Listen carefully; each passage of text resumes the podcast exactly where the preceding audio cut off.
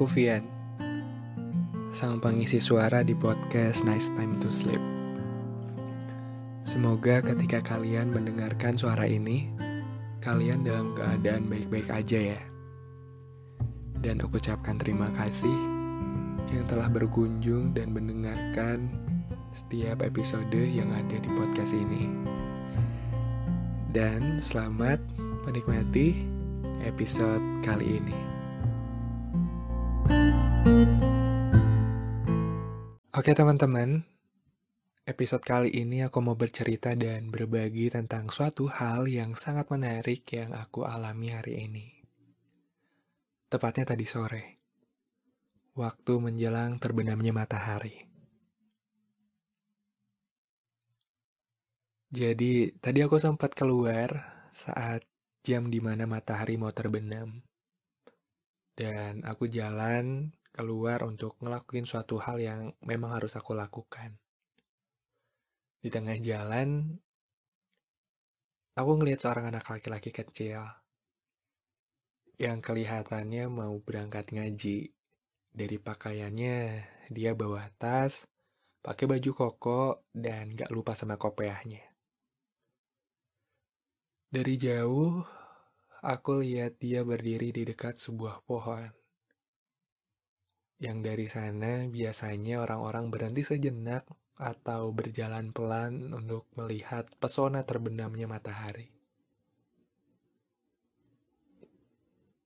Cuma kebetulan banget, di sana tadi hanya ada dua orang, dia dan temannya aja yang berhenti.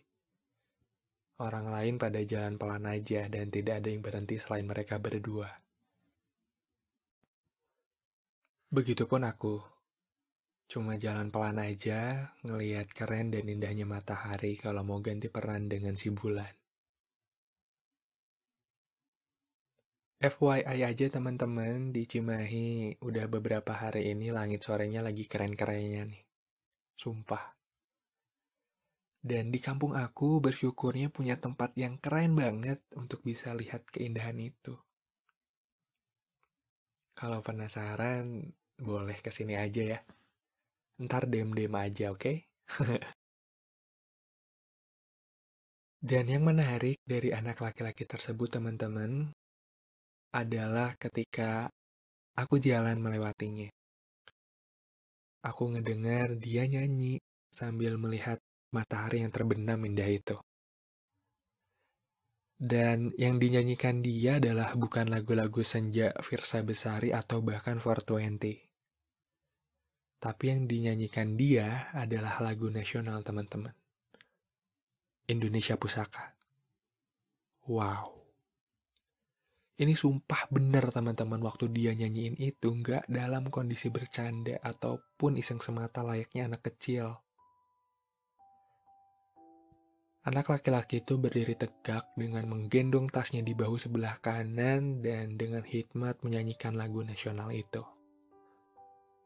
Dan ketika aku lewat, dia sudah sampai pada bait yang berbunyi, di sana tempat lahir beta. Sungguh jarang tentunya aku bisa mendapati momen seperti itu. Seorang anak kecil, mungkin aku kira umurnya 7-9 tahun bisa dengan tenangnya dan sangat menjiwai momen indah itu. Bisa dibayangkan mungkin di bawah sinar senja yang menguning ada seorang lelaki kecil yang mengheningkan dirinya dengan Indonesia Pusaka. Kayaknya indah kalau ada yang mengilustrasikannya dalam sebuah lukisan ya. Ya, harap ada-ada aja yang mau melakukannya. Mungkin suatu saat nanti. Sayangnya, ketika itu terjadi, aku nggak bisa menyaksikannya sampai akhir, teman-teman. Karena memang waktunya mendesak untuk melakukan hal yang harus aku lakukan. Tapi setelahnya, ada semacam setruman buat aku yang mendorong ke perenungan mendalam dan rasa syukur akan Indonesia ini, teman-teman. Iya, Emang kalau ngomongin Indonesia tuh rasanya luas dan kompleks banget gak sih? Tapi benar teman-teman, setelah momen itu aku tersadar dan teringat lagi momen patriotis saat tangan ini. Dengan bangga, haru, memberikan hormat saat sang merah putih dikibarkan. Ya, memang nggak mesti setiap bendera berkibar memohon keterharuan itu muncul. Tapi pasti aku yakin ada momen itu di cerita kalian. Entah dulu atau nanti.